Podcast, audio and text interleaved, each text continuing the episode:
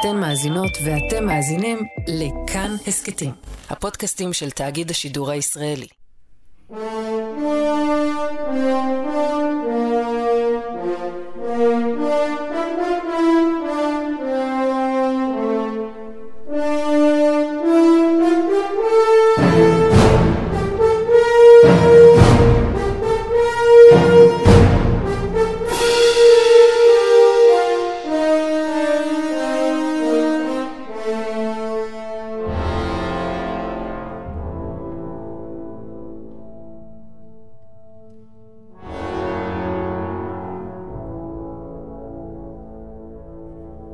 מאחורי הקלעים, שעה עם רותי קרן על צידו הנסתר של עולם התרבות והאומנות. לעולם אינך מסתכל לתוך עיניו של נגן קרן יער. זה אחד הכללים הברורים. אתה פשוט אינך עושה זאת. הם פעלולנים, אקרובטים. אתה לא מסתכל לאקרובט בעיניים שנייה לפני שהוא הולך להסתכן למוות. זה אמיתי. אתה גם לא תגיד לנגן קרן כמה נפלא הוא היה בפעם הקודמת, רגע לפני קונצרט. אתה רואה את המבט. הם מסתכלים עליך, והם תמיד חושבים, יכולתי למות עכשיו. ואתה יודע שיש משהו נוסף מעבר למבט בעיניים, כי זה באמת נכון. ולכן, אתה פשוט נותן להם לעשות את הדבר הכל כך קשה הזה שלהם, בלי להפריע.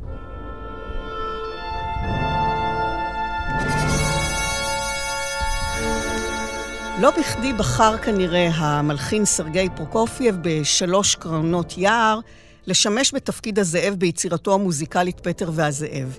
צליל מפחיד ומאיים יש לקרן היער הצרפתית, אחד מכלי הנשיפה הגדולים בתזמורת העשויים מתכת, אולי היפה והמרשים שבהם, אלא שלא רק בגלל גון הצליל הנמוך, העז, העוצמתי הוא מטיל אימה, אלא משום סיבות הרבה יותר עמוקות, עקרוניות, שקשורות לאופן הנגינה בכלי הזה, להפקת הצליל המיוחד שלו, משימות שנחשבות מן הקשות ביותר לביצוע בכלי נגינה כלשהו.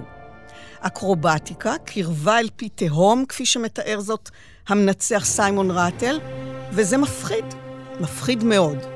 אלא שהקרן יכולה לתעתע בכם, לא רק תרועות ועיבוי תזמורתי חזק, אלא גם קול חרישי, פנימי, עמוק ונוגה, שביצירות רבות כמו זוחל תחת שאר כלי התזמורת, ובלי שנרגיש, שובר לנו את הלב כשהוא פורט כך על נימי הנפש. על הבמה אי אפשר לפספס אותן, אף על פי שהן ממוקמות באחורי הבמה, הן עצומות, מוזהבות, עשויות פיתולי צינורות מרהיבים שבסופם פעמון ענק, ועם זאת ספק עד כמה קהל המאזינים נותן דעתו עליהם. אלא אם אחת במקרה מועדת ומזייפת, תופעה שכיחה מאוד בכלי הזה.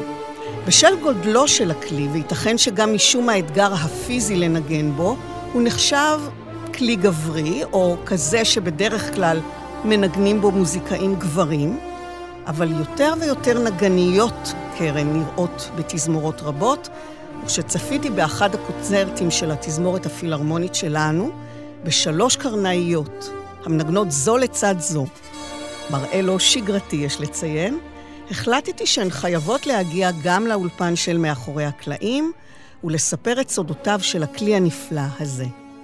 דלית סגל, המשמשת היום נגנית ראשית בפועל, מיכל מוסק וגל רביב, שלום לכן. שלום, שלום. שרון לרנר על הביצוע הטכני, אני רותי קרן, כך שיחד אנחנו סקציה, נכון? לרוב נראה ארבע קרנות, למרות שכמובן ישנן יצירות, אה, אני עצמי ראיתי קונצרט עם 12 קרנות, אבל כמובן שמונה או עשר ככל שהמלחין יבחר, ואפרופו, מאחורי הקלעים, לא אחת מלחינים מזיזים אותן אל מאחורי הקלעים ממש, כלומר הן אינן על הבמה, אינן נראות, רק נשמעות, מה שמפיק אפקט מיוחד מאוד, אבל גם יכול לגרום לסיטואציות לא צפויות אפילו, משעשעות, כפי שנשמע בהמשך. אבל אולי באמת נידרש תחילה לעניין הדימוי של הכלי הזה, ההקשר המגדרי, מה שהוא משדר כלפי חוץ ומה שהוא באמת. ואת אחד הסודות האלה, על קרן היער, את, דלית, מגלה בגיל צעיר מאוד באמצע היער. כן, זה היה מחוץ לאמסטרדם. אחרי שלמדתי שנה בג'וליארד, בגיל 22, נסעתי להשתלם אצל נגנית מהקונצרט חיבאו, אז קראו לה ג'וליה ון ליר. היא גרה באיזה חווה באמת ביער, ובתקופה הזאת הקושי שלי באמת היה להפיק מהקרן את הצלילים החזקים יותר, את העוצמות. ותמיד היה לי מין חוסר ביטחון כזה, שאולי בגלל שאני אישה קטנה, התחלתי בתור ילדה, זה לא, זה לא עובד כל כך. והגעתי אליה, הסדנה שלה הייתה במין בקתה כזאת מעץ, והיא קטנטונת עוד יותר ממני, והיא ניגנה מדהים, היא ניגנה כל כך חזק, כל כך קרן, שאני אמרתי, טוב, זה כנראה לא זה. שאלתי אותה איך היא עושה את זה. היא נתנה לי כל מיני עצות של אוויר וכל מיני סודות שלה שפשוט לא הבנתי. אז עוד לא הבנתי איך עושים את זה. זאת הייתה תקופה שממש לפני שהצטרפתי לפילהרמונית. והייתי נגנית חדשה, צעירה ומבטיחה, אבל uh, לא כל כך יודעת לנגן חזק.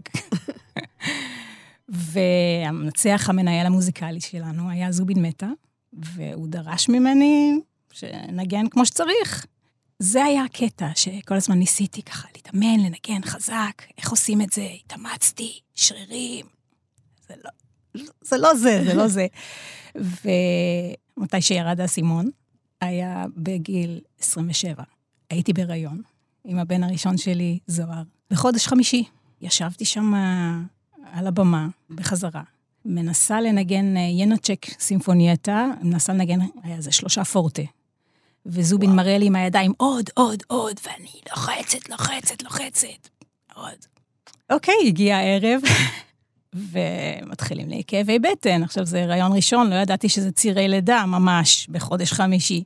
כל הלילה סבלתי, בבוקר שסיפרתי לבעלי, שהוא היה אז סטודנט לרפואה, אז הוא אומר לי, זה, זה צירים, את חייבת, חייבת להתקשר לרופאה שלך, לשאול מה, מה קורה, והיא אמרה לי, תלכי למיון. בקיצור, אה, הגעתי למיון, ואכן היו לי צירים, והם אמרו לי, מה התאמצת? אימצת את השרירים, מה עשית? אמרתי, אני מנגנת בקרן יער, חזק מאוד. טוב, את לא יכולה, אם את רוצה לשמור על העובר שלך, את צריכה, קודם כל, מנוחה של שבוע. נתנו לי עירוי, נתנו לי תרופה, נרגעתי, ואחרי שחזרתי, אחרי שבוע, אה, הייתי צריכה לנגן, אני חושבת אפילו בטהובן שביעית, משהו מאוד, צריך לפתח הרבה ווליום, ואני אומרת לעצמי, טוב, אני מנגנת, אבל לא חזק, אין ברירה, אין ברירה. אני אדמיין שאני מנגנת חזק, דמיין. יושבת על הבמה, מדמיינת, וזה יצא מדהים. ניגנתי כל כך טוב, כל כך לא לחוץ, כל כך חזק, כל כך יפה. פשוט מצאתי דרכים אחרות להוציא את הצליל, ולא בלחץ של הבטן, וזה היה ממש כיף. אז הבנתי מה שהיא ניסתה להגיד לי, ולא הבנתי בגיל 22. אז זה אולי הפתח לנסות להבין איך באמת מפיקים עוצמת צליל כזאת מכלי כל כך גדול. העובדה שהיום יש הרבה קרנאיות לא הייתה מקובלת כל כך בעבר, נכון? גם כך זה כלי נדיר, אז על אחת וכמה לבנות.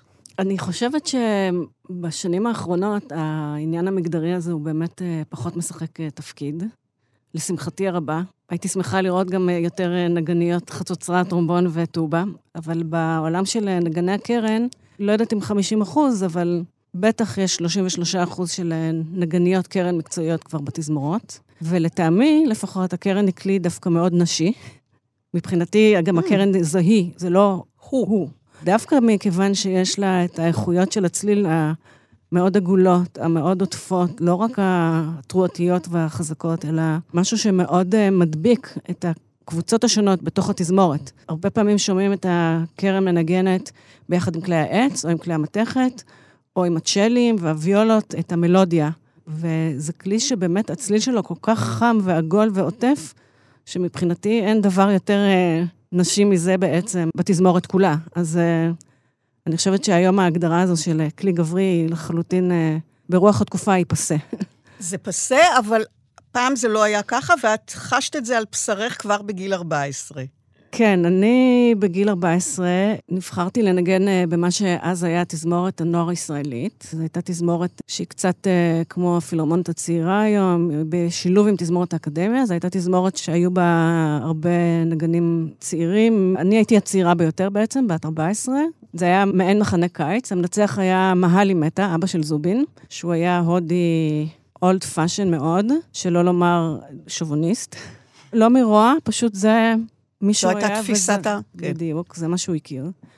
והוא ראה שם ילדה מאוד צעירה יושבת בקבוצת הקרנות, וזה קצת אה, הרים גבה, ובשלב מסוים ניגנו קונצ'רטו לכינור של אה, ברמס, ובקרן, אולי אחר כך נזכיר את זה, יש גם עניין של אה, טרנספוזיציות, שאתה לא תמיד מנגן את התווים שאתה רואה. אתה צריך לעשות איזושהי אדפטציה בשביל לנגן בסולם הנכון. ואחד הנגנים האחרים עשה טעות. אני ניגנתי דווקא את התפקיד בדיוק כפי שהוא היה כתוב, ואז uh, מר מהלי עצר את כל התזמורת ואמר מול כולם, young girl, your place is not here. וואו. Um, שזה חתיכת uh, מכה על לא עוול בכפי גם, שזה מעצים את התחושה באמת... Uh, אני לא יודעת מאיפה מצאתי את כוחות הנפש אה, להתגבר על הדבר הזה, ואפילו אני זוכרת שעניתי לו, It's not my mistake. כמובן שהוא לא התנצל, אבל החזרה המשיכה, אבל זה משהו שנצרב בתודעה באמת ומלווה... אני חושבת שמלווה את שלושתי, כל אחת מאיתנו בעצם בצמתים כאלה ואחרים בחיים, המקומות האלה שלא להצליח, או שיורדים על, עלייך דווקא בגלל שאת אישה שמנגנת ולא גבר. אז איך באמת גם המחסום המקובל המגדרי וגם העובדה שמדובר בכלי שנחשב כלי קשה לנגינה, ובאמת קשה להעלות על הדעת שילדה או ילד קטנים יחשקו פתאום לנגן בקרן יער, נכון? גם אם הכיוון הוא כלי נשיפה, אז לרוב מדובר בחליל, קלרינט. אז איך אתן הגעתן לקרן דווקא? אז הסיפור שלי הוא בעצם שבבית שמעתי אה, רק חצוצרה, כי אחי הגדול אה, ניגן חצוצרה, והוא ניגן מאוד יפה. ואני רציתי גם. אז אה, יש אה, בית ספר מנגן בכפר סבא, כמעט בכל בית ספר יסודי יש תזמורת כלי נשיפה. ובכיתה ד' הם מציעים בתשלום סמלי שכירות של כלי, ולנגן אה, בתזמורת, בשיעורים פרטיים. ואני באתי למבחנים בשביל לראות איזה כלי מתאים. זאת אומרת, מבחינת קצב ושמיעה הייתי ממש בסדר גמור, וישר אמרתי, אני רוצה חצוצרה. והיה לי ברור שזה מה שאני רוצה, ועם זה אני חוזרת הביתה. ובאופן יחסי הייתי מוכשרת מוזיקלית באופן טבעי, ומגיע אליי, אז בזמנו היה ראש הכלי נשיפה בכפר סבא, דני רידר, ואומר לי, תקשיבי, אני יודע שאת רוצה חצוצרה, אני יודע שאח שלך מנגן חצוצרה, אבל יש לי תחושה שאת הולכת להיות נגנית מקצועית. אה, בכיתה ד', כן? וואו. ואני מרגיש שעדיף לך לקחת כלי אחר. כלי מאוד מיוחד, הוא גם ניסה ככה למכור לי אותו, הוא מאוד מיוחד, מאוד מאוד יפה, הוא מאוד קשה. יש מעט נגנים שמנגנים עליו. אני ממליץ לך אה, לקחת קרן יער. בואי תנסי, בואי תנסי, תיקחי את זה הביתה ונמשיך משם. ואני נורא התבאסתי. ואמרתי, טוב, בסדר, הוא כל כך שכנע אותי, אמרתי, ננסה. ולקחתי את הכלי הביתה, את הקרן יער, קרן גדולה? קרן כאילו, גדולה, רגילה? בדרך כלל, בדרך כלל מנגנים על- בהתחלה בקרן בפה, שזה כלי של תלמידים מתחילים, שהיא קטנה יותר? שהיא קלה יותר, קטנה יותר, כן, עם סט אה, אחד של צינורות. יש בקרן מקצועית שני סטים, Mm. קרן בפה וקרן בסי במול. זה ממש עוד סט של צינורות. ובאמת מגיעים לזה בשלב קצת יותר מאוחר. אז לא, אז אני התחלתי עם קרן כפולה של פה וסי במול, ובבית אני בעצם התחלתי לנגן חצוצרה. עם זאת של אח שלך. של אח שלי, כן. אמרתי, לא, מעניין אותי, אני זה. וזהו, ואז אה, לאט לאט אה, כן עשיתי שיעורים אה, על קרן, וכן ניסיתי, נתתי לזה הזדמנות. והאמת שהוא כל כך צדק בהקשר של עבודה, בהקשר שזה כלי מיוחד, וזה שנהייתי באמת נגנית מקצועית בסוף, זה... אני מאוד מודה על זה שאני לא נגנית חצוצרה וכן נגנית קרן. אבל את יודעת מה היה הרגע שפתאום זה התהפך, שהתאהבת? לא, האמת שאני, לקח לי הרבה זמן. המון זמן, יש לומר. התפקידים בתזמורת כלי נשיפה, הרבה יותר מעניינים של חצוצרה. יש להם את כל הסולואים, את כל המנגינות. Mm. הקרנות יער מנגנים אומפה אומפה, מנגנים ליווי נורא משעמם, לאורך הרבה זמן. באמת, זה נורא. כאילו, להיות תלמיד בתזמורת כלי נשיפה בהתחלה, זה לא מעניין בקרן יער. קשה למצוא את הצלילים, קשה לנגן, התפקידים פחות מעניינים. אז באיזשהו שלב ויתרתי והפסקתי, אחרי שנה. עזבתי למשך אה, איזה, לדעתי, שלוש שנים, וחזרתי לזה בגיל 12. כי? האמת שהיה איזה רגע מכונן אחד שהרגשתי שאני צריכה להיות מוזיקאית. זה היה ספציפית איזה מסעדה שהיינו עם המשפחה, וברקע היה איזושהי מוזיקה קלאסית, ואף אחד כמובן לא שם לב, כי זה ברקע, ואני ישר איכשהו הייתי מאוד שקועה בזה, ואימא שלי אמרה לי, את יודעת, נראה לי שאת צריכה להיות uh, מוזיקאית, זה בשבילך. ומשהו ברגע הזה הרגשתי שאני, אולי אני אחזור. Mm-hmm. ואז כשחזרתי, אז חזרתי כבר למורה יותר מקצועי, ונתתי גז הרבה יותר גדול בגיל 12, כי זה כבר כאילו מאוחר, ואז באמת נכנסתי לזה, יותר ברצינות. מיכל, איך את הגעת לכלי הזה דווקא? אצלי הסיפור הוא דומה ושונה. גם אחי וגם אני התחלנו בנגינת פסנתר. בפסנתר התחלתי בגיל 6 או 7, וגם הנטייה המוזיקלית שלי הייתה מובהקת כבר אז, היה ברור שהמוזיקה היא חלק מאוד uh, משמעותי וחשוב בחיים שלי, אבל uh, עם הפסנתר המצב הוא, הוא סבוך, גם uh, מכיוון שבשלב מסוים, אחרי כמה שנים כבר צריך באמת להשקיע, ובשביל להתקדם, להתאמן הרבה, ואני כבר הגעתי למצב שהמורה שלי דרשה ממני לנגן שלוש, ארבע שעות mm. ביום. מה שממש לא בא בחשבון מבחינתי, כי הייתי ילדה מאוד חברתית, והפסנתר הוא כלי מאוד בודד, בטח שבשלבים האלה אתה יושב ואתה מתאמן לבד. אבל עם זאת, המוזיקה באמת הייתה גורם כל כך משמעותי בחיים שלי, שהיה לי ברור שאני חייבת להמשיך לנגן, אבל בכלי שמאפשר גם את הקומוניקציה החברתית הזו. ובגלל שהיינו מקשיבים גם להרבה מוזיקה קלאסית בבית, היה לי ברור שהכלי שלי זה הבוב. אני רוצה לנגן הבוב. משהו שם בצליל, משהו נכון, ב... נכון, הוא כלי יפהפה. כלי יפהפה, נורא מצא חן בעיניי. ובאותה תקופה בירושלים הגיע ג'ימי ריינולדס, והוא אמר לי, הבוב לא מתאים למבנה הפיזי שלך, של השפתיים, של השיניים, של הלסת. Mm. אני מציע לך לקחת קרן יער, זה נראה לי בול. טוב, נו, בסדר. בואי, אני אשמיע לך קצת, תשמיע לי קצת. כמובן שהצליל מיד שווה את האוזן ואת הלב שלי. ואמרתי, בסדר, ומהר מאוד באמת הגעתי לנגן בתזמורות, ונכנסתי לתיכון מוזיקלי, אבל אז... פה לא היה צריך להתאמן הרבה? בקרן קשה להתאמן אה, 4-5 שעות. אה, אני לא חושבת שאי פעם הגעתי לרמה כזו של אה, אימון. פיזית, זה כן, קשה, הלחץ. על השפתיים, הלחץ על השיניים. אז זהו, את, את אומרת שהוא טען שאת לא מתאימה פיזית באמת מבחינת מבנה הלסת לאבוב.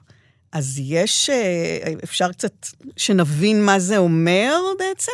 מה צריך להיות במבנה שמתאים דווקא לקרן ולא תראי, לקרן? יש הבדלים מאוד מאוד עמוקים. אני סוג אחר חושבת של... שהשפה התחתונה של מיכל יותר עבה, והבן שלי הגדול ניגן אבוב, ואני יודעת שצריך לקפל אותה יותר, זאת אומרת, זה אפשרי, אבל זה קצת יותר מאמץ. אהה. אה, וניסיתם לנגן אי פעם בכלי נשיפה אחרים? ברור. כן? אני מנסה, אני עשיתי של, כל הילדים שלי מנגנים בכלי נשיפה, אה. בוב, סקסופון, אה, חליל, בסון, כן. זה הכל אני את. מנסה, כן. ואיך זה הולך? אני מנגנת ממש טוב, כי יש שנים שאני רואה את הנגנים, אני רואה את הצורת הפקה, גם uh, עם השמיעה, וגם ניגנתי חלילית, אז כזה זה דומה, ואני אני, בעצם, כל כלי שאני לוקחת, זה יוצא משהו. לא מדהים, אבל יוצא. כן. גם את הבנתי, לא בחרת בקרן כבחירה ראשונה. האמת שאני גם רציתי לנגן בפסנתר, ואימא שלי הכיר את האופי שלי, שאני לא יכולה לשבת אה, ובאמת שעות להתאמן, שאני אוהבת לשחק עם חברים, אז היא אמרה, תלכי לתזמורת נוער, הם נוסעים שם לחוץ לארץ ביחד, יהיה לך כיף. הביאו אותי לתזמורת כלי נשיפה, והראו לי פלקט של כלים. ואמרו לי, את רוצה כזה? את רוצה כזה? לא, סקסופון זה לבנים. חצוצרה זה צורמני מדי. וקרן, פתאום נזכרתי ששכנה של סבתא שלי ניגנה על זה ונתנה לי להתאמן, וזה היה נחמד. לא היה לי מושג מה זה. אמרתי, אני רוצה קלרינט בעצם. ואמרו לי, קלרינט זה כולם מנגנים, אז אין לנו כלי לתת לך, את תצטרכי לשכור בהרבה כסף. קחי קרן, קרן זה... קחי, קחי. קיצור, רוצים לדחוף לאנשים קרן, זה מה ש... הדבר שקורה. ואני מזדהה לגמרי עם מה שגל מספרת על האומפה אומפה לשבת בתזמורת ולהתחרט על הרגע שבחרת בכלי הזה. אבל אה, באמת, מה שהשאיר אותי זה לחץ חברתי חזק. ניגנתי ממש בקלות, ומסתבר שקרן, יש כישרון מאוד ספציפי לקרן. שהוא? לנגן בקרן. לא, אבל מה זה? עצם שתלמיד יכול לנגן צליל שהוא שומע ולהעביר אותו לכלי, ולנגן אפילו סולם, שבכל כלי את מנגנת בשיעור הראשון, בקרן זה לא קורה. אני גם הבנתי אחר כך בתור מורה, שכאילו את מביאה ילדים, הם לא יודעים איפה ממוקם הצליל, הם פשוט מנגנים צליל אחר. לא, זהו, שאני הבנתי שבאמת אנחנו, ההדיוטות שאינם מוזיקאים, אנחנו מכירים באמת את הסולם, נניח מנגינה בפסנתר. שזה ללחוץ קליד אחרי קליד, ויש סולם. נכון. אבל באמת, בכלי נשיפה לא בקרן, זה קצת זה קשה שירה. לנגן סולם, אני מבינה, נכון? את הדבר הכי בסיסי. לגמרי, ואני באתי לשיעור, קודם נתנו לי קרן, לפני השיעור, שבוע לפני, וזו הייתה קרן בלי פייה. ואני ילדה מאוד סקרנית הייתי כמובן, ואני חייבת להוציא מזה צליל, חייבת להוציא צליל, וכאילו אני מנסה, מנסה, מנסה, עד שהצלחתי, כי מכל צינור אפשר להוציא איזשהו צליל. הפייה רק ממקמת וממקדת את השפתיים. ובאתי לשיעור, הוא נתן לי פייה. ואני אומרת, או, oh, איזה קל להוציא צליל. זה היה יעקב קלינג ז"ל, שהוא היה מורה, ממש הוציא הרבה תלמידים טובים, הוא היה, הוא היה בשוק. והוא אמר לי, טוב, סולם עושים, אני אראה לך איך עושים רה, מי, דו, רה, מי, כאילו, ואני מוציאה סולם. והסתבר בדיעבד שזה דבר שלא קורה. אהה. והחל מהשיעור הראשון הוא היה אוסף את המורים, בואו תשמעו, שיעור אה, שלישי עם נגנת גבוה, כאילו, אז בלי לאהוב, בלי לדעת, בלי כלום, הייתי אה, גיבורה, ואהבתי את זה. עד שפחות, את יודעת, עד שאת נתקלת בקשיים אה, כן. באיזשהו שלב. אבל uh, בעצם הייתי שבויה של הכישרון שלי, והמזל שהתאהבתי בגיל יותר מאוחר, ששמעתי uh, מוזיקה סימפונית וקרן מוזיקה סימפונית, שזה היה פשוט מדהים, ואיכשהו הפער הזה התחבר.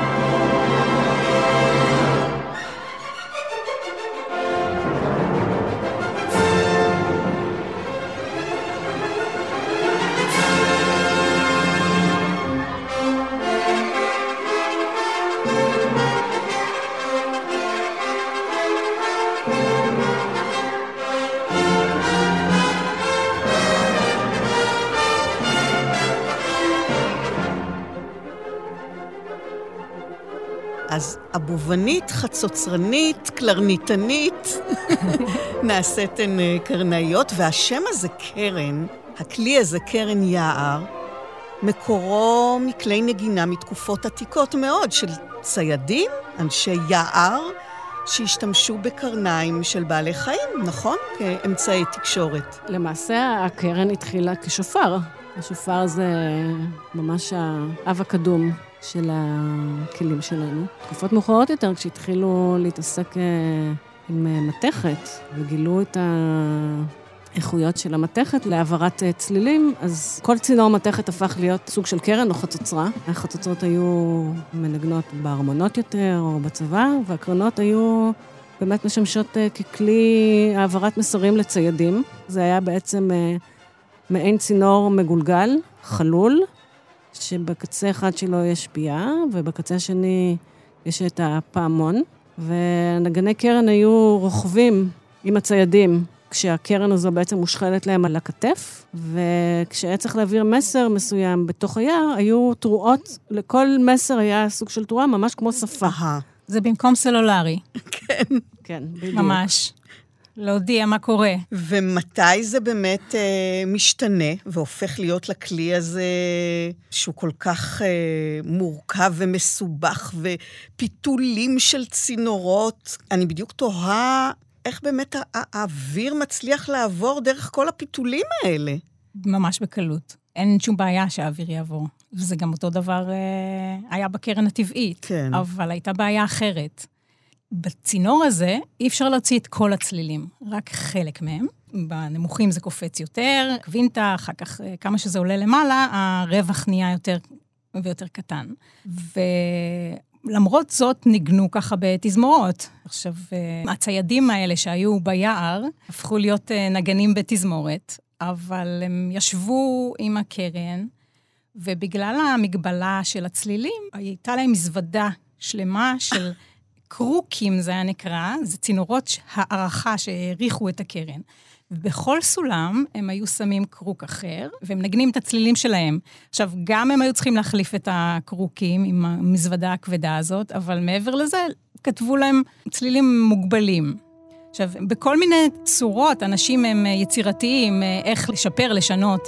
אז הם מצאו שאם מכניסים את היד לתוך הקרן, היא קצת מגביהה אותה בחצי טון, ואז אפשר לנגן צלילים שונים. אם מכניסים את היד לתוך הפעמון, אם מכניסים את היד, כן, סוגרים. אם מכניסים את היד, זה בעצם כן. מקצר את הצינור. אהה, זאת אומרת, מקצר את האורך זה שלו. אוטם אותו קצת. זה אוטם אותו במרווח מסוים, מהמם. שהוא מרווח של אה, חצי טון, כאילו. אם היית לוקחת את אותו צינור עם קצת יותר קצר, כן. הוא היה יותר גבוה. אז כן. זה בעצם מה שקורה. ואז יוכלו לנגן הכל. אבל זו מיומנות מיוחדת, זאת אומרת, זה היה נקרא קרן יד. וואו. והם היו מכניסים ומוציאים את היד, מכניסים, מוציאים, זה היה נגינה עם היד, שהיום זה בכלל לא ככה. אהה. והיה לזה חיסרון מאוד uh, גדול, שהצלילים הסגורים היו בצבע אח- של צליל אחר. אטומים. אטומים, זה היה נשמע... זה חנוק. חנוק, כמו כן. צינון, כמו צינון, בדיוק. כמו אקצ'י. כן, מנגנים סולם, כזה, צורה כזאת. היום אה, מי שמנגן בקרן טבעית מנגנים ככה. חלק גם אה, אוהבים את הצליל הזה, אוהבים את הצורה הזאת של הנגינה, אבל אה, תמיד חיפשו פתרונות לעניין. דרך אגב, הנגנים של הקרן הטבעית היו וירטואוזים אה, גדולים. זאת אומרת, אה, מוצרט כתב ארבעה קונצ'רטי, רונדו קונצ'רטנטי, חמישיית קרן. הוא השתמש בקרן גם בהרכבים של כלי נשיפה מעץ, אבל רק באמת מה שהפריע זה הנושא הזה של ה... חוסר שוויון בין הצלילים. זו הייתה סיבה מאוד גדולה לשינוי הזה, וגם, אה, דרך אגב, בגלל שהתזמורות גדלו, וכשהצליל של הקרן היה סתום, אה, היו שומעים אותו פחות, כן. אז רצוי היה לנגן עם צליל באמת גדול ופתוח, בשביל שהקרן תבלוט איפה שהיא צריכה לבלוט, בתוך התזמורת הסימפונית שגדלה במהלך המאה ה-19. אז רגע, אז מי בעצם המציא את הקרן, הפך אותה למה שהיא היום, הקרן היער הצרפתית? כן, אחד הנגנים כן. אה, יצירתי במיוחד, שפיתח שיטה של אה, מנענעים וצינורות נוספים, שכשלוחצים על המנענע, יש בוכנה שמעבירה את האוויר לצינור אחר. אז בעצם יש לנו, גם לנו יש קלידים, כן. שלושה, נכון? שלושה, כן. זה, קוראים להם מנענעים, ויש גם עוד אחד אה, בשביל להעביר למערכת נוספת של אה, קרנות. יש אה, מערכת יותר גבוהה ב-C במול, ויש מערכת נמוכה יותר בפא. והקומבינה של שלושת המנענעים העליונים, היא יוצרת נגינה כרומטית מלמעלה עד למטה, אפשר לנגן את כל הצלילים בגוון אחיד. אני אני חושבת שאולי כדאי להרחיב רק כשאנחנו מדברים על סט של צלילים אה, קרן בפא, וסט של צלילים ב-C במול, מהמם. שלמאזינים אולי זה... נכון. זה לא ברור, כל הדבר הזה. הקרן היא כלי מורכב גם מהבחינה הזו, שהסולם בפסנתר, כשמנגנים את כל הצלילים הלבנים, זה דו מז'ור. זה הסולם ש... הבסיסי. הבסיסי שעובדים לפיו. הקרן בנויה אחרת. אני לא יודעת אפילו מאיזה סיבה החליטו שדווקא הקרן שמכוונת בפה מז'ור היא הקרן הבסיסית, אבל נגני קרן שמנגנים סולם דו מז'ור של הקרן, נשמע בעצם, אם פסנתר ינגן את הסולם הזה, נשמע כמו פה מז'ור, זה נשמע קצת מורכב, אבל אפשר uh, להתעמק בזה שנייה.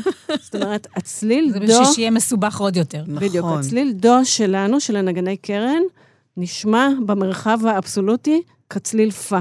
מה שבאמת uh, קצת uh, יכול לסבך את העניינים. אז, אז התווים שלכם הם שונים? כן, זאת אומרת... כלומר, אתם מקבלים תווים שהם לא התווים שזהים לתווים של הכנר? כן. Mm. ואם מדובר על מוזיקה קלאסית יותר עתיקה, אז אנחנו מקבלים בסולמות אחרים, כמו מי במול, סי, סי במול ודו. למה לא לסבך כל, את החיים אם אפשר לסבך, נכון? כן. כן, בגלל שבתקופה העתיקה היו כותבים בסולמות שונים, ושמים את הקרוקים האלה. היום אנחנו לפעמים מקבלים את התווים האלה, וצריכים בעצמנו לעשות את החישוב הזה. אתם צריכים, זאת אומרת, אתם לא מקבלים את זה מן הספרייה? לא שם עושים לכם את ה... ישבה פה טל מהספרייה שלכם שאמרה לי שהיא עושה את הטרנספוזיציות האלה. לא, אנחנו, הנגני קרן... זה חלק מהמיומנות שלנו. זאת אומרת, התפקידים מודפסים... אז אתם מקבלים את התווים רגילים של כולם, וצריכים לכתוב לעצמכם... לא לכתוב, אנחנו עושים את זה... לחשב בראש. אנחנו עושים את זה, ב... זאת אומרת, זו מיומנות כזו שאנחנו רואים את התווים ויודעים מיד לנגן את ה... זאת אומרת, אז זה לא שלכם כתובים תווים אחרים, כתובים לכם אותם תווים ואתם... כתובים לנו תווים, רק שאם נגן כינור ינגן את התווים שכתובים לנו, זה יהיה בסולם לא נכון. אהה. אז המנצח, כן. ובתזמורת הם צריכים לדעת, למשל, שהוא אומר לנו, הדו שלכם, אז האם הוא מתכוון לדו שהוא בעצם סול, או לדו שלנו שהוא בעצם נשמע כמו הצליל פה? זה מאוד מאוד מבלבל כל הסיפור הזה. נורא, זה, ו... זה נשמע פשוט אה, כמו הפיתולים של הקרן. מרגיש שרק על זה אפשר לעשות תוכנית שלמה. נראה לי. על איך הקרן עובדת. כן, איך היא עובדת, וגם למה צריך את הפיתולים האלה בעצם? אני חושבת שהפיתולים, אה, למיטב ידיעתי, זה רק אה, להקל על ה... נסיעה של הכלי. אה, שהיא לא תהיה, צינור, אחרת כן, זה היה עצום. ארוך ומסורבל, כן. שזה יכול להיכנס לאיזשהו תיק. ותגידו, מה, בקיפולים האלה לא קורים כל מיני דברים? זאת אומרת... אה, בהחלט קורים, אם לא, אם לא, אם לא מצחצחים שיניים. אז כן. כן. אז יש אבנית. אבל לגבי הפיתולים, עוד, נגיד, הקרן אלפים, למשל, כשנוסעים לשוויץ, הרבה פעמים רואים אה, קרן אלפים, זה כמו קרן שלנו, רק שהיא ישרה. והיא באמת, היא כל כך ארוכה, האמת שגם אותה אפשר לקפל, אם היום יש כזה שזה נכנס אחד לשני. כן, זהו, אבל אי אפשר לסחוב את הדבר הזה, אז כשאנחנו מנגנים לתלמידים ואני מסבירה להם, אז אני אומרת להם שהקרן זה קצת כמו המעיים שלנו. נכון, זאת אומרת, בשביל להיכנס לגוף, צריך... להיות uh, בעצם מקופל בצורה מסוימת, שיהיה את האורך של הצינור מצד אחד, מצד שני שהוא יהיה קומפקטי ו...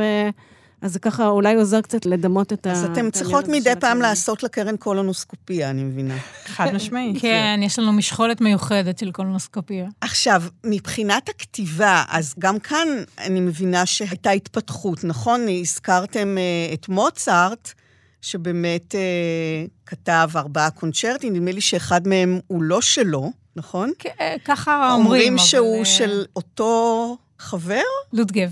הם היו משחקים אה, ביליארד ביחד, שותים, מריצים הלצות, וגם בתווים של הקונצ'רטי שמוצרט אה, כתב, הוא מקדיש את זה לידידו החמור הנוער בקרן. כן, הוא גם כתב אה, שהוא מרחם עליו, על הקונצ'רטים האלה, שהוא הולך לנגן אותם. ובאיזשהו פרק הוא כתב לו אדאג'ו, ולכל התזמורת כתב אלגרו. עכשיו, הוא רמז לו שהוא כל הזמן סוחב, ולא בקצב של התזמורת. והיה איזה סולם שהוא כתב, סולם קשה, הוא כתב, נראה אותך עושה את זה. כלומר, הוא מצד אחד כתב לכלי, מצד אחד ירד על הכלי? בהחלט, בהחלט. זה, זה כלי כזה מצד אחד אה, דרמטי ומדהים, מצד שני פשוט נלעג. נלעג? למה אבל? למה? כי הוא עושה קיקסים. הוא עושה קיקסים, זה המשך ישיר, הקיקסים, לאיך שהקרן בנויה. נכון. היא בנויה ככה, הפייה מאוד מאוד צרה, והכלי מאוד ארוך וגדול, וזה מתכון למידות. כל שינוי קטן של זווית בשפתיים בפה, משנה את הצליל. צריך לשמוע, הריכוז צריך להיות uh, מקסימלי. יותר מכלים אחרים. כלים אחרים את מנגנת, מה שתנגני יצא. בקרן זה לא מובן מאליו בכלל. אז זהו, אז אמרנו כבר בפתיחה שיש משהו מפחיד בכלי. לא רק הצליל שלו, אלא באמת uh, הקושי לנגן בו. והעובדה שמשום כך הוא מועד uh, לפורענויות, למעידות, שנדמה לי שאולי מכל כלי אחר אפשר לשמוע גם אוזן uh, שאינה מוזיקלית, ומבקרי המוזיקה לא חוסכים שבטם, ותמיד הם מדברים על הזיוף של הקרנות, או שהם יוצאים מגדרם, שהפעם הקרנות לא זייפו. מנצחים שעושים פרצופים מחורקמים כשזה קורה, אבל אולי נספר באמת שזה בלתי נמנע וזה קורה גם לטובים ביותר. נכון, אז מכיוון שהיא בנויה על מערכת של צלילים שנקראים אוברטונים, שזו תכונה פיזיקלית של צליל, הוא בנוי משילוב של הרבה הרבה צלילים ביחד. עכשיו, בקרן, כשמנגנים צליל נמוך, וככל שאנחנו עולים יותר גבוה ברגיסטר, המרחק צפיפות. בין הצלילים הופך להיות כל כך קטן, שמאוד קשה לדייק. ונגנים... אנחנו קוראים לזה לקלוע על הצלילים. לקלוע ממש הצלילים. לקלוע, כמו בכדורסל. ממש. ונגנים שלא מיומנים מספיק, לכן לתלמידים זה כלי מאוד קשה. או גם נגנים מקצועיים, מספיק שאתה קצת לא מרוכז, או קצת מתרגש, או קצת לא נשמת בזמן, או לא הכנת את הפה ואת הפייה בצורה ראויה, ואתה פשוט תנגן צליל לא נכון. או שיברח לך צליל וזה יהיה מין כזה... כזה, או שפשוט תנגן ממש צליל לא נכון. וזה משהו שהוא באמת בלתי נמנע, וכשלמדתי בשיקגו, אצל אחד הנגני קרן הכי... מהוללים שהיו בעולם. דייל קלוונג'ר, הוא היה נגן אגדי בשיקגו. הם ניגנו שם את הסימפוניה החמישית של שוסטקוביץ'. יש שם סולו קרן מאוד מאוד קשה, עם קפיצות של מרווחים, ומאוד חשוף. וזה היה קונצרט עם שולטי גם, גדול, mm. עוד בזמנו. שעשה פרצופים. שעשה פרצופים, ודייל קלוונג'ר הגדול פספס צליל, וכל האולם שמע. וואו. ואחרי הקונצרט נסעתי איתו, הוא לקח אותי הביתה, והוא פשוט, הוא לא נרגע מה, מהפספוס הזה במשך שבוע. זאת אומרת, באמת, הדבר הזה של לפספס צליל בסולו יכול להשפיע עלינו לתקופה של כמה ימים טובים, וגם יכול להוריד את הביטחון, ואנחנו גם, חלק מהעבודה שלנו זה גם עבודה פסיכולוגית. Mm-hmm. ממש, אנחנו צריכים לעבוד על עצמנו כל הזמן, לדעת לסלוח, לדעת לשחרר, לדעת שזה חלק מה... תכונות של הכלי, ולא לשקוע באיזה מראה שחורה או פחד אה, בלתי נשלט בגלל שפספסנו צליל בקונצרט כזה או אחר. מה באמת עושים כשזה קורה? ו- ויש בכלל דרך להימנע מזה? אנחנו צריכים להיות בני אדם כאלה שמתחלקים על בננה מול קהל של אלפיים איש, ויכולים לישון בלילה אחר כך. ואנחנו, אם כולם לא כאלה, זאת אומרת, אנחנו כולנו רגישים לתדמיתנו, ואנחנו עובדות על זה. עבודה רוחנית, נפשית, אני חושבת שזה אתגר שמאוד מחזק, כי סך הכל, המידע הזאת על הבננה והתדמית, זה לא החיים, כאילו, זה לא שאתה הורג איזה חולה, כמו, כן. הייתה לי שיחה עם נוירולוגית מוח שהייתה אצלנו, והיא אמרה לי שהיא לא ישנה בלילה שלושה ימים לפני הניתוח, מרוב פחד שהיא תזוז תזוזה קטנה. של היא, מילימטר. היא תעשה את הבן אדם כן. נכה, במקרה כן. הטוב. עכשיו, אצלנו, בסדר, אז כל הקהל ישמע, אז נהרסה המנגינה, אז מה, אף אחד לא מת. נכון. צריך לדעת את זה. אבל זה מדהים שהתחושה באותו רגע זה כאילו כן, כן מישהו. נכון, התחושה היא לגמרי. באופן כללי, זה ממש פחד מוות. זאת אומרת, את על הבמה, וזה ממש זה אותו פחד כמו, כאילו אתה בא להרוג בן אדם, אבל uh, העבודה היא באמת להבין שהפרופורציות הן לא כאלו, ולהשתמש בהתרגשות הזאת, לעשות את הדברים יותר טובים. האם להתרגש ולהוריד, או להתרגש ולעשות מזה משהו כן, יותר מיוחד. כן, אבל זה ניתוח של בדיעבד, השאלה... באותו רגע זה... כן, אין, באותו רגע. באותו רגע זה... מתי זה קרה לכן? אני לא מזמן לא ישנתי, uh, יש לי תאומים בני שנתיים, ו... כמה לילות לא ישנתי, הגעתי מאוד מאוד עייפה לבמה וניגנתי קרן שלישית, ופשוט לא נכנסתי. זאת אומרת, אני הגיע סולו שלי, סולו קטן, אבל סולו, והתבלבלתי בספירה, וכשנכנסתי זה היה גם עם איזה... בקיצור, אני כאילו, אני ממש הרגשתי... אה, זה כן. מאוד קשה. בלילה שאחרי זה ישנת? אה, כן, יפה אבל, ש- אבל, לא, כן. אבל באמת קיקס ההרגשה היא. באמת, כן. דלית, קיקס. אה, יש לי פטנט שזה נקרא מחיקון קיקסים. ברגע שיש לי קיקס, אני- זה נמחק לי. אז אני לא... זה בטח הרבה, אחרי הרבה שנים של, אה, של עבודה. של קיקסים. כן. אבל את זוכרת איזה אחד במיוחד שככה היה ממש... כן, כן. אני זוכרת את זה בגלל המנצח היקר שעשה לי אחר כך אה, פרצופים. זה היה ברמס, אה, סימפוניה... של- רגע, בשני... איפה אנחנו נכנסים בפרק השני, הסימפוניה הרביעית? ואצלי הראשון יצא לי, "אה", כאילו, ממש לא... עקום. עקום ולא כל כך יפה. וכאילו, אני ממשיכה הלאה עם המחיקון. אבל בקונצרט למחרת, מנדי רודן, החמוד והיקר, הסתכל לי בעיניים לפני הפרק, ככה, הסתכל לי, עושה לי ככה, "אמ, זה יהיה נכון, זה עכשיו יצא. ואני חושבת שזה כל כך הבהיל אותי שבקושי ניגנתי. סיימון רטל אמר שאסור להסתכל לכם בעיניים. נכון, הוא צדק לגמרי. האמת שלי סיפור מעולה על קיקס, פתאום נזכרתי. בזמנו ניגנתי בדיוון של אה, דניאל ברנבוים, וניגנתי שם קרן ראשונה בהירואיקה, שזו הסימפוניה השלישית של אה, בטהובן, ויש שם את הטריו המפורסם של הקרנות, שנגמר בשיא במול גבוה, שזה צליל שנחשב צליל גבוה אה, בקרן, והיו המון חזרות, המון חזרות, המון חזרות, והכל הלך חלק ולמישרין, ולא פספסתי אף פעם. ובחזרה הגנרלית לפני הקונצרט הראשון, היה לי קיקס על הצליל הגבוה. ואז ברנבוים היקר, Mm, דניאל אוי. היקר, עצר את התזמורת ואמר, כל כך טוב לדעת שאת רק בן אדם ושגם את מפספסת את הצליל הזה. עכשיו בואי נראה מה יהיה בקונצרט. וואו. אם מדברים כבר על אה, לחץ פסיכולוגי, אז אה, לשמחתי הקונצרט עבר חלק, אבל אם מדברים על, על פחד מוות, הנה, זה המקום שאתה צריך לגייס את כל כוחות הנפש, את כל הטריקים והשטיקים וה... לא יודעת מה, בשביל לצלוח את הדבר הזה ולא לקרוס לתוך עצמך. כן. אז הקיקסים מתגלשים לכם כשמנגנים גבוה, ואני מבינה שאתם למעשה מתחלקים לנגני קרן גבוהה וקרן נמוכה. כמו איזה תת-התמחות אה, ברפואה, גם כאן אה, יש איזו התמחות נוספת. זה גם אה, יכולת ראשונית של נגן. רואים כשהוא מתחיל לנגן, אם זה... הנטייה היא למעלה או למטה. שזה אה, מה זה אומר? בתזמורת ההתפתחות של הקרנות זה משהו גם היסטורי. בתזמורת של אה, מוצרט תמיד היו שני נגני קרן, שניגנו את התפקידים בטרצות, או באוקטבות, או בקווינטות, בשביל למלא בעצם את ההרמוניה.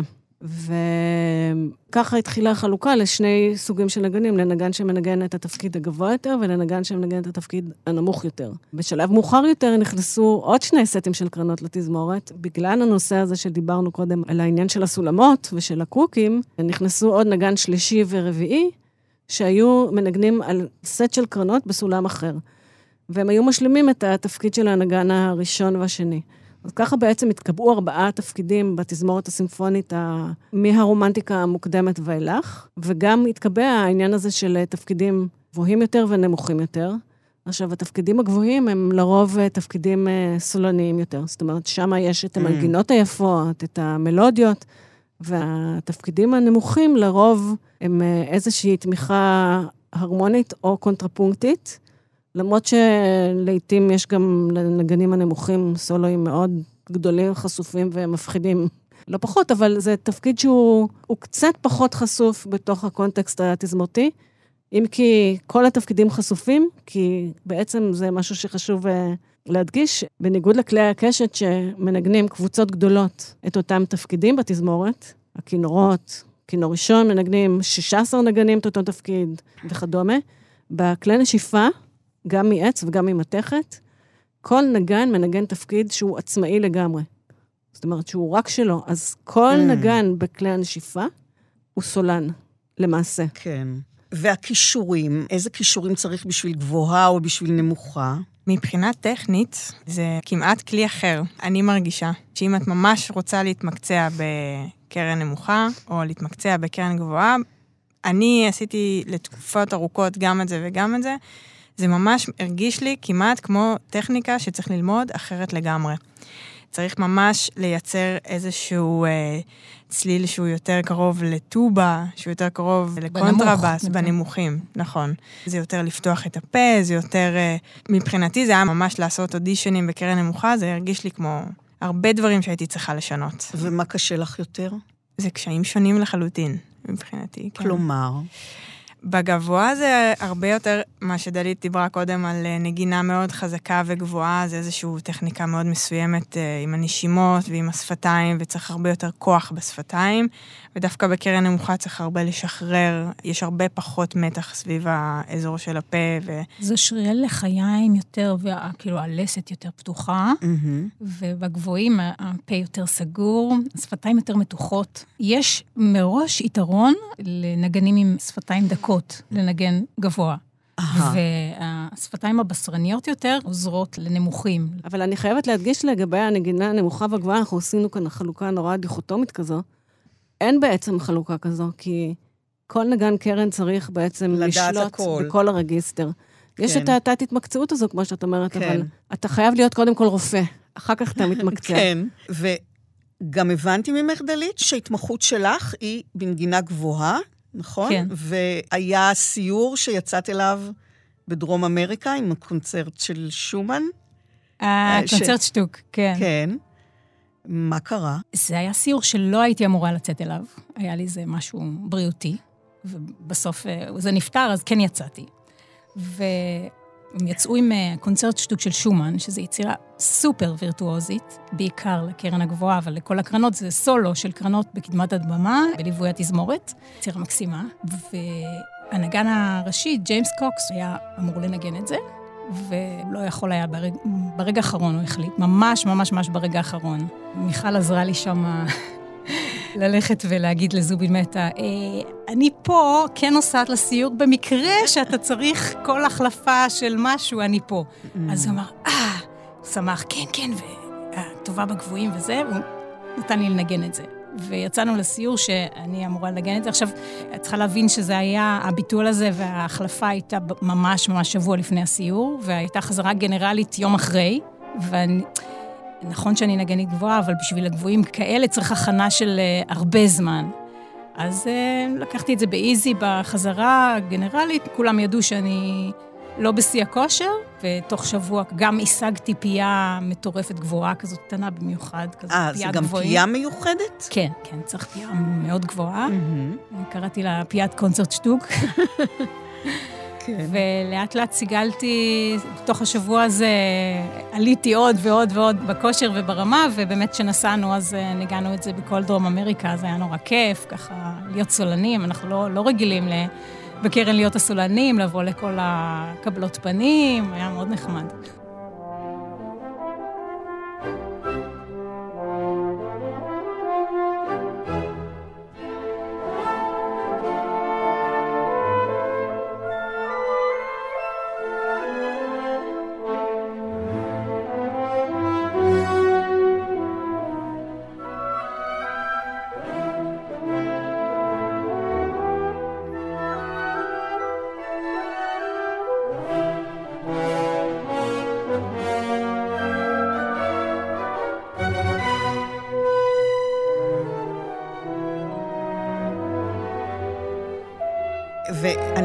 מבינה שגם אם נחזור רגע לכתיבה לכלי הזה, גם אפרופו החלוקה, אז אני לא יודעת מתי בדיוק אה, חל השינוי, אבל בתקופה של אה, מוצרט ובטהובן עדיין ניגנו עם קרנות אה, טבעיות, נכון?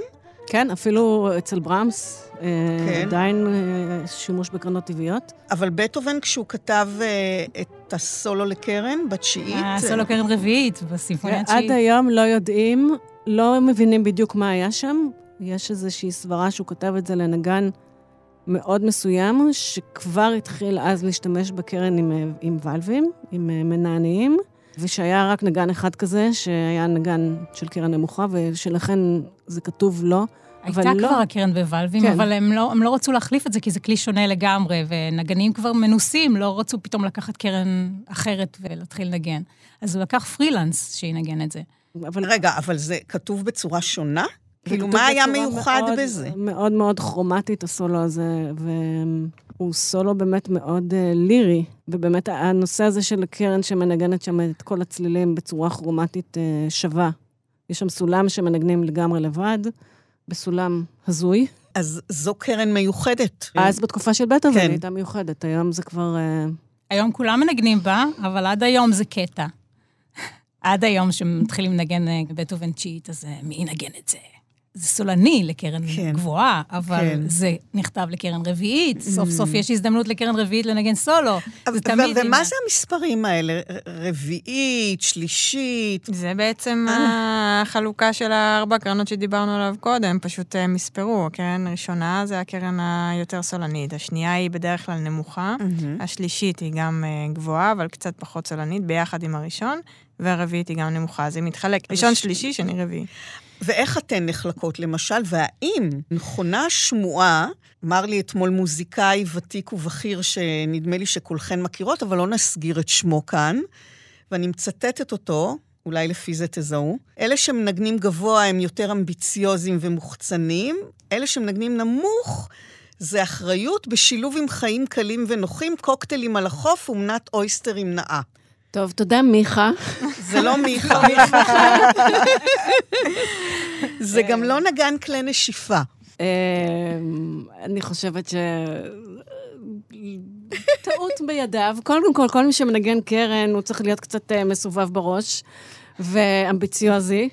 לא משנה איזה תפקיד הוא מנגן. עכשיו, בואו גם נזכור שיש כאן את העניין של אה, עיתוי, של זמן שנפתח תפקיד בתזמורת מסוימת ואתה רוצה להתקבל אליה, אז אתה מכין אודיציה. זאת אומרת, הנגני קרן היום מכשירים אותם לנגן כל תפקיד.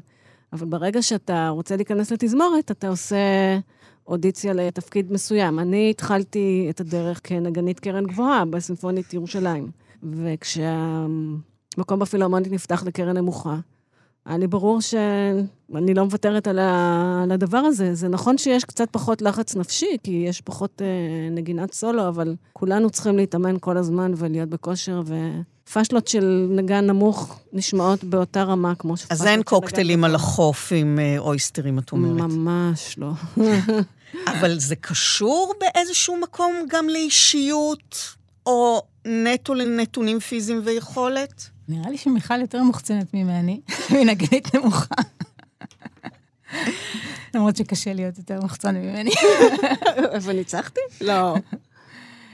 לא, אבל מן הסתם יש הבדלים ברצון להוביל, רצון לנגן סולואים, רצון להיות הרבה פעמים בפרונט, ושיקשיבו לך, זאת אומרת, ולהיות במקום המסוכן, so called, או להיות עם, לנגן עם, זאת אומרת, נגן נמוך הרבה פעמים מנגן עם. מי שלשמאלו, בדרך כלל הוא צריך להתאים את עצמו, צריך...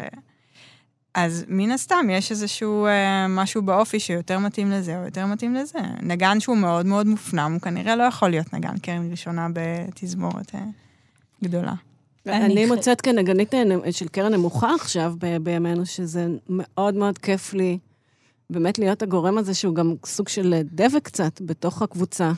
אתה יושב, אתה כולך דרוך, דלית יכולה להעיד שכשאנחנו מנגנות ביחד, אני נורא דרוכה אליה כל הזמן, לראות אם היא מסמנת משהו אחר, או להתאים את עצמי, ל- אם היא מנגנת חזק יותר, או חלש יותר, או אם הכיוון שלי לא בדיוק יושב עם הנגינה שלה, אז יש משהו ביכולת הזו להתאים את עצמך למישהו אחר on the spot בצורה מאוד מהירה, שהוא גם, הוא סוג אחר של אתגר, אבל הוא, מבחינתי הוא כיף לא נורמלי.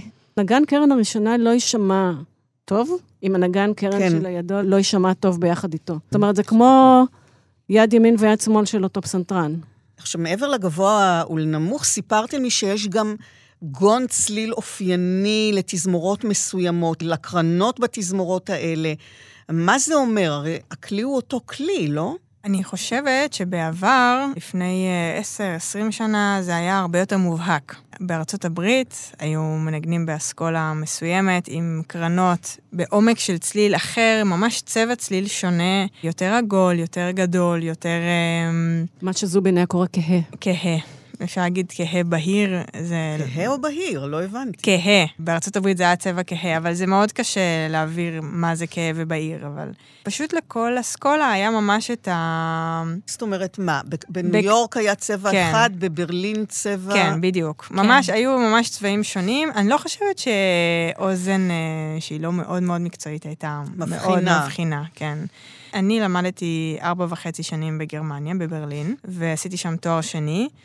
וניסיתי גם להתקבל שם, עשיתי שם אודישנים, אז שם היה מאוד ברור, ציל מאוד מסוים, נגינה מאוד מסוימת, אה, וכשבאתי לפילהרמונית, אז זה באמת היה מאוד מובהק לכיוון uh, של ארצות הברית, מאוד שונה מגרמניה. ציל יותר עמוק, עם uh, קרן שונה, הפעמון גדול יותר. והסוג של המתכת שהיא עשויה ממנו, גם אה, שונה. נכון. מאיזה מתכת היא עשויה, אגב? הקרנות עשויות מסגסוגת של מתכות. פליז, פליז. פליז וכל מיני מתכות שעוד נוספות בה, אבל מה שבעיקר עושה את השינוי בצליל זה הסוג של הלק שמצפים את הקרן. מה? או שיש קרנות שהן בכלל לא מצופות בלק, ואז... זה גם לא רק הקרן, זה גם שיטת נגינה. זה נגינה אחרת. השימוש באצבועים הוא אחר. וגם כל, ה, כל הפרצוף הוא מה? אחר. כן. כן, הנגינה הבהירה יותר, עם פרצוף מאוד מתוח. בעצם הנגינה עם אוברטונים והעמוקה יותר היא יותר עם מלחיים, משוחרר יותר.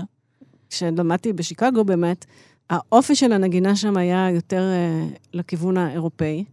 ואני באתי מהארץ ולמדתי אצל מורים אמריקאים שבאו מהאסכולה של ניו יורק, ושיקגו וניו יורק בתקופה ההיא היו ממש באיזה סוג של אה, כמעט יריבות מבחינת האסכולות של הנגינה. והמורה שלי אמר לי, אני ממש לא אוהב את הצליל שלך, כי הוא ממש כמו בניו יורק, אבל אנחנו לא נשנה אותו כי את ישראלית, ובישראל מנגנים בצליל אה, של ניו יורק, כי זה הצליל שזובין מטה אוהב.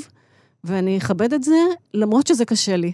אותך, דלית, אני מבינה שזובין עצמו שלח לניו יורק כן? בגלל זה. כן, אני ניגנתי מאוד בהיר, פשוט באופן טבעי, והייתה אודיציה לתזמורת, והוא קיבל אותי לתזמורת, אבל הוא אמר, אני לא רוצה שהיא תנגן ככה. אז הוא שלח אותי לשנת uh, השתלמות בג'וליארד, והייתי יושבת בקונצרטים של הפילהרמונית של ניו יורק, וממש uh, סופגת. את הצליל היפה שלהם והשונה, ומנסה לסגל את זה. זה אחר כך לקח המון זמן. למרות שבסופו של דבר אה, סיגלתי לי צליל משלי, כי כל אחד יש לו את הצליל שלו עם האופי שלו. אפרופו, אנחנו מדברים על אפקטים ועל מצלול. אחד האפקטים שמלחינים אוהבים להשתמש בהם הוא למקם קרנות מאחורי הקלעים, ממש. כלומר, מאחורי הבמה, כשהן אינן נראות לקהל ונשמעות בכוונה מרחוק, למה דווקא הקרן? כל הברס, לפעמים הוא בחוץ, מאלר אה, בעיקר, שכתב, אה, יש לזה כל מיני שמות. בנדה, קראנו לזה, off stage, תרועות. אני חושבת שהקרן זה בגלל שזה תרועות. זה בא מרחוק, mm-hmm. זה נורא מסתורי. זה כמו הציידים שמגיעים באמת אה, מהמרחק.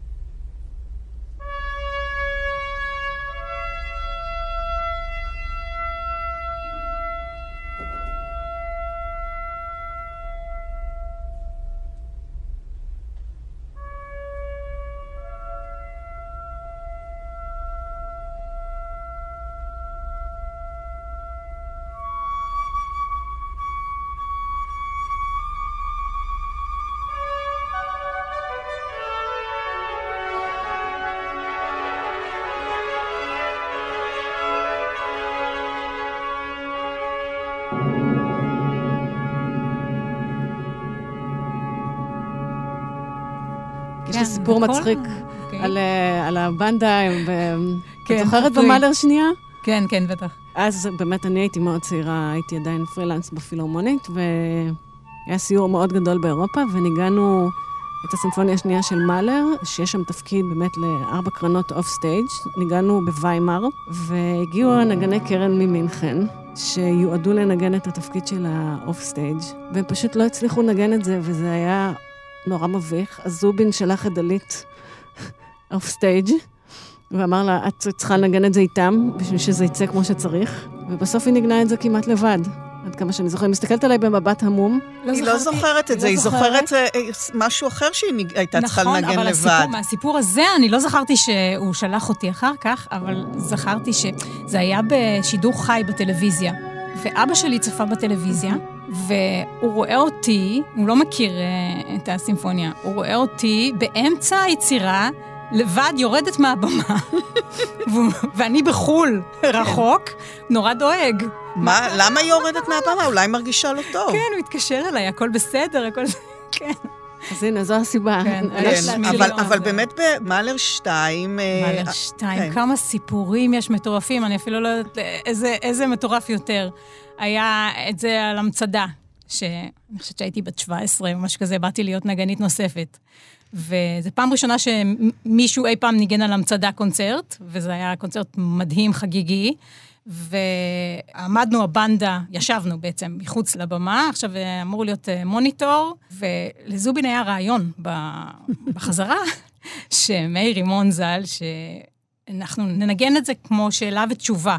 החלק החזק ננגן קרוב לבמה, והוא יעלה על ההר לנגן את האקו. עכשיו, מתחיל, אה, מגיע הזמן שלנו לנגן, המוניטור מפסיק, אנחנו לא רואים את המנצח. מה עושים? פותחים קצת את הדלת, לראות את המנצח, והוא מסמן, כאילו, מה פתאום פותחים את הדלת? באמצע שהוא מנצח. תסגרו את הדלת, זה לא... עכשיו, אה, מתחילים לנגן, אין אקו. לא שומעים את מאיר רימון, נעלם. על ההר, לא שומעים כלום. ממשיכים לנגן, עכשיו מגיע הצליל הגבוה, הדו גבוה, טה-טה-טה-טה, טה, כזה.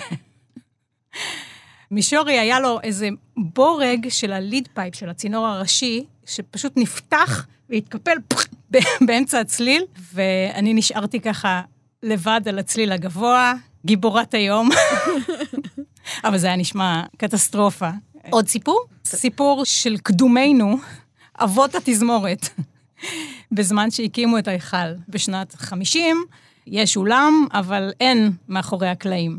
עכשיו, אה, מה יעשו הבנדה? הם עמדו מחוץ לא- לאולם, ורצו עם התווים, והתחילו לנגן. ובאו אה, שוטרים, ואמרו להם, אתם לא יכולים לנגן פה, זה קונצרט של הפילהרמונית. אז אמרו, לא, אנחנו מהפילהרמונית, אבל אנחנו מנגנים מאחורי הקלעים. ש... אז הוא אומר, מה השטויות האלה? אין כזה דבר. ולא נתן להם לנגן. אתם מפריעים לקונצרט. אתם מפריעים לקונצרט, הוא לא נתן להם לנגן. אז uh, זה פשוט יוצר כל כך הרבה סיטואציות מצחיקות, הבנדה הזאת.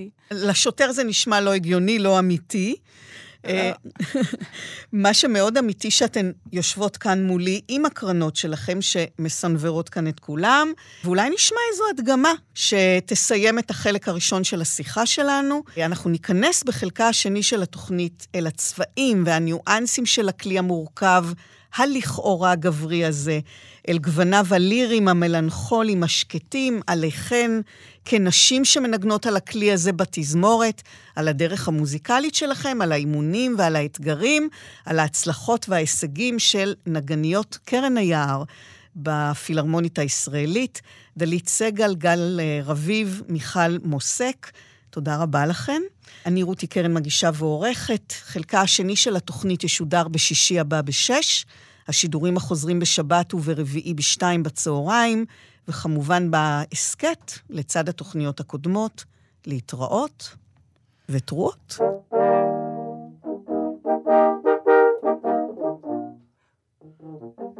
thank you